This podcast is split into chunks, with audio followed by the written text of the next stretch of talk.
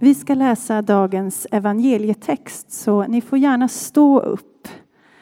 Och så läser vi Lukas evangeliet kapitel 1, verserna 26 till 38. Och det står på sidan 724 i de röda biblarna.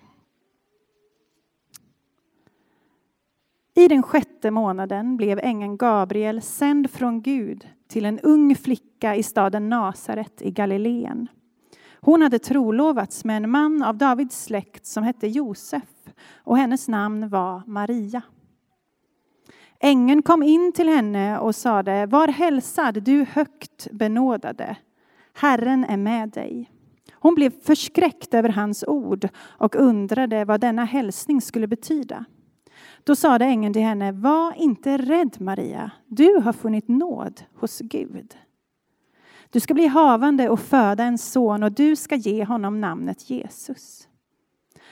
Han ska bli stor och kallas den högstes son. Herren Gud ska ge honom hans fader Davids tron och han ska härska över Jakobs hus för evigt och hans välde ska aldrig ta slut. Maria sa till ängeln, hur ska detta ske? Jag har ju aldrig haft någon man. Men ängeln svarade henne, helig ande ska komma över dig och den högstes kraft ska vila över dig.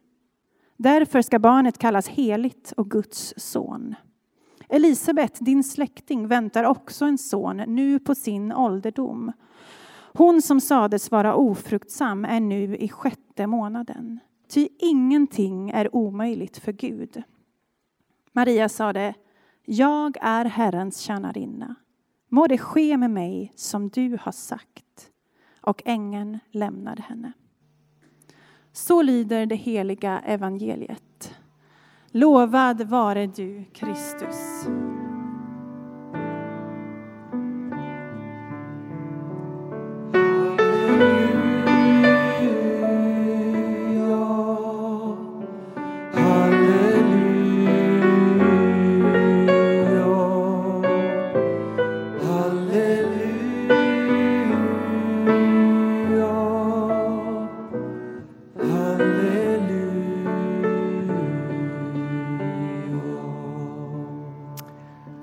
Alla barn så är det dags att gå ner till eh, barnkyrkan. Jag ser det rör sig lite överallt.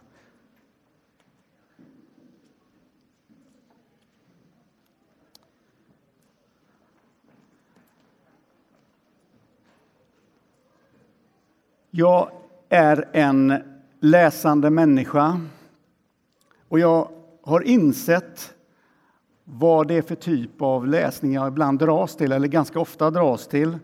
Och det har ofta med rättvisefrågor att göra, har jag förstått. När jag skrev min uppsats när jag läste teologi var det också om ett rättviseperspektiv på Guds rike. Och så, där. så det har alltid berört mig mycket. Och nyss så läste jag Liv Strömstedts, Strömqvists serieböcker.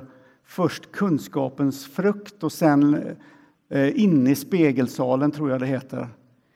Eh, och det, det gav ju ganska mycket kring tjejers, kvinnors begränsade utrymme och den avgränsade roll som kvinnan har haft i ett historiskt perspektiv.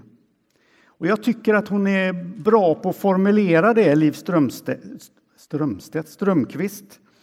Eh, att upplysa oss andra dödliga om den begränsade rörelsefriheten som kvinnor har haft genom historien. Och hon gör ju det ofta med liksom en dråplig och humoristisk ton. Men ämnet om kvinnors rörelsefrihet och det utrymme som hon tilldelats är ju egentligen en ganska sorglig historia. Män har genom historien på olika sätt definierat vem som får och inte får utrymme. Det har varit varje generations kvinnors uppgift att på, li, på lite olika sätt försöka förhålla sig till detta. Och jag tycker att det är viktigt att ta avstamp i kvinnors historiska verklighet när vi nu ska närma oss den unga flickan Maria. Därför att också hon var en del av ett tydligt patriarkalt tänkande och levde i en samhällsstruktur där kvinnan tilldelats ett begränsat utrymme med tydliga roller, tydliga förväntningar, ofta givna på mäns villkor. Och Maria hade kanske lärt sig av sin mamma, av sin mormor, hur man skulle underordna sig.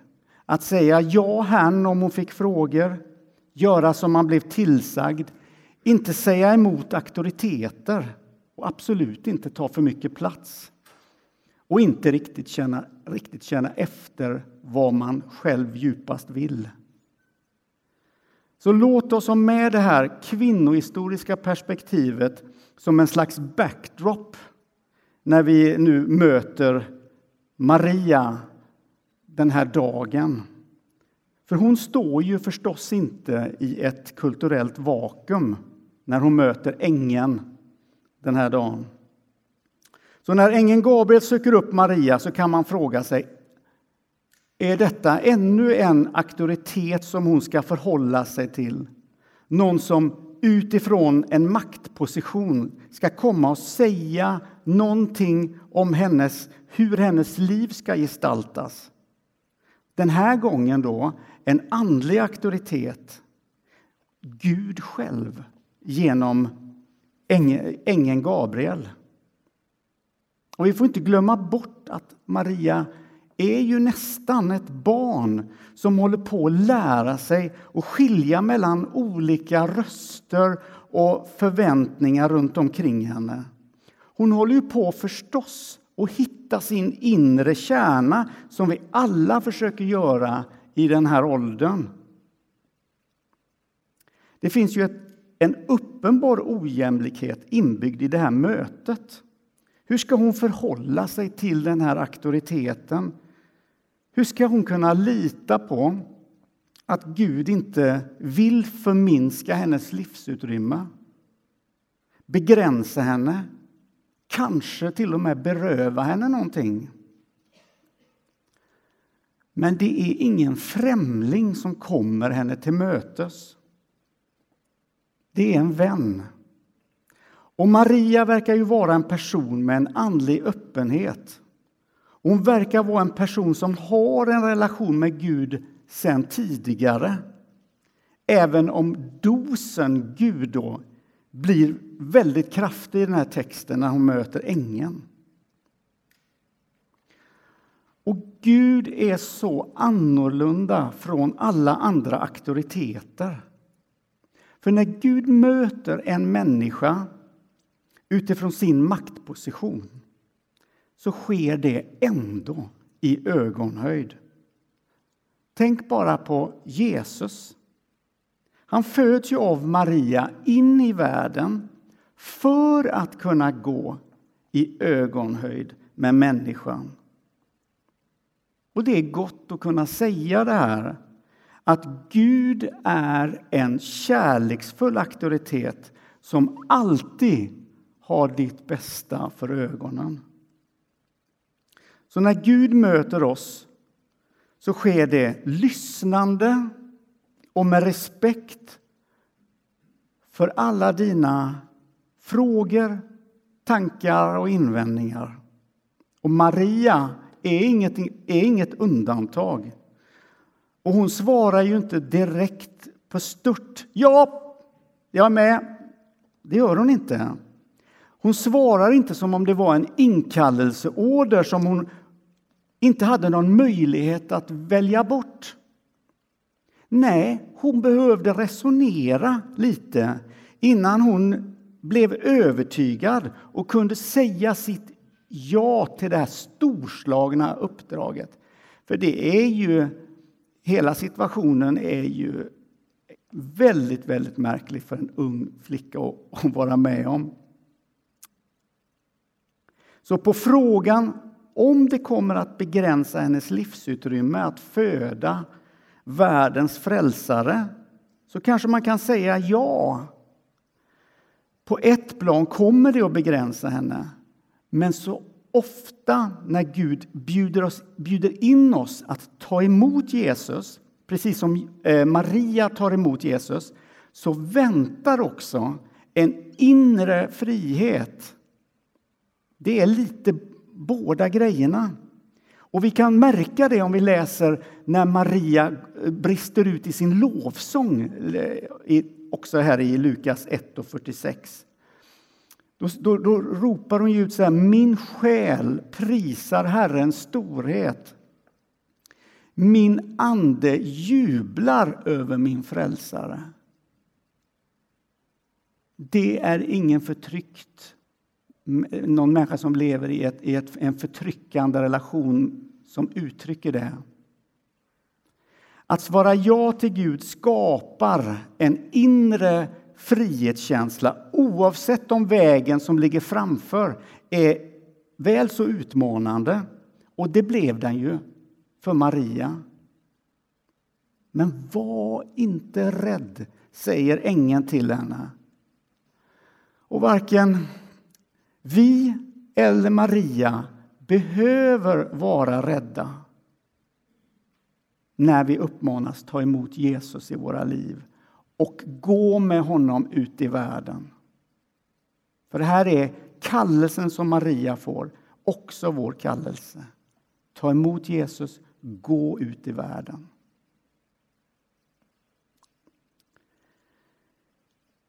Så det är något storslaget som Maria får höra av ängeln. Alltså det som har legat förborgat som en hemlighet genom tidevarven men som profeter och skrifttolkare och andligt uppmärksamma människor visste om och anade. Att det ska komma en dag då Jesus Kristus ska födas in i världen. Det ska komma en dag då allt ska förändras. Allt ska öppnas på ett nytt sätt.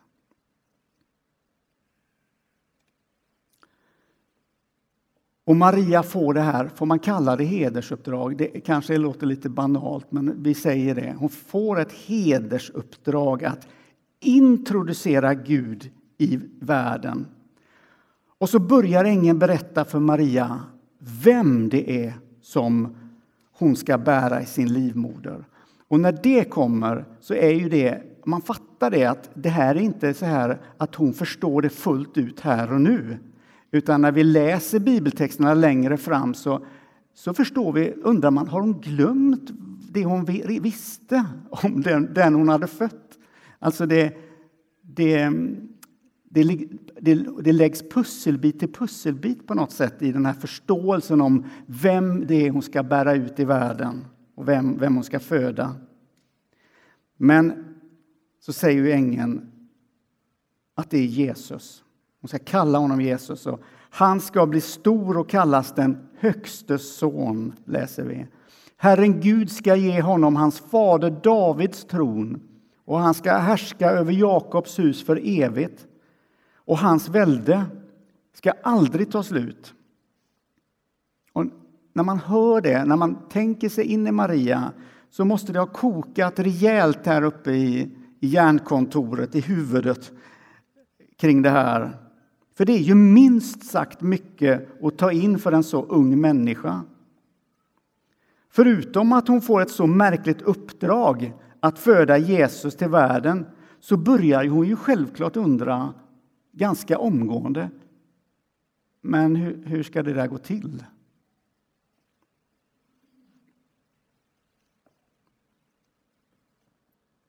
Helig ande ska komma över dig. Alltså ingen man ska vara involverad. Befruktningen kommer att vara ett under. Ett helt, helt enkelt ett avsteg ifrån det rimliga. Och man kan fundera över vad det stora egentligen då är med jungfru Maria. Varför kommer ängeln just till henne bland alla livmoderbärare som säkert fanns tillgängliga?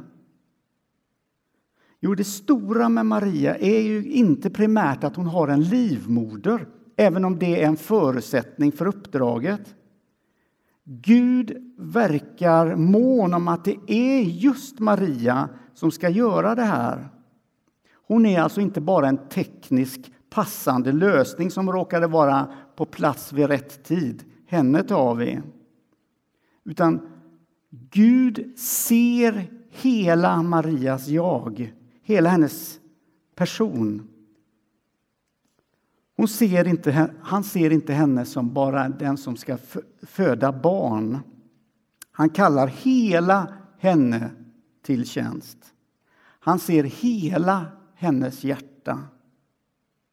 För det är ju inte utan att kvinnor i historien många gånger har inskränkts till att bara bli sedd som i den här funktionen att vara barnaföderskor. Men Gud ser alltid hela personligheten, hela potentialen, hela skönheten. Och Gud hade sett någonting hos eh, Maria som han uppenbarligen tyckte om. Och han ser också han ser också något han tycker om hos dig. Du som kanske kämpar med ditt självförakt. Du som ser på dig själv på destruktiva sätt. Och Maria får höra orden att hon har funnit, funnit nåd hos Gud. Var det hennes ödmjukhet? Var det hennes följsamhet? Eller var det kärleken hon hade till Gud? Ja, man kan bara spekulera. Men Maria kan få vara ett föredöme för oss idag i sättet som hon tar emot Kristus i sitt liv. I sättet som hon svarar ja. Och när vi ser på våra egna liv med allt vad det är och när vi också får den här frågan Ta emot mig så får vi också be med Marias ord. Må det ske med mig som du har, som du vill. När vi ger våra liv till Gud, när Gud vill någonting så får vi precis som Maria ta tid på oss. Det finns utrymme att tänka och fråga.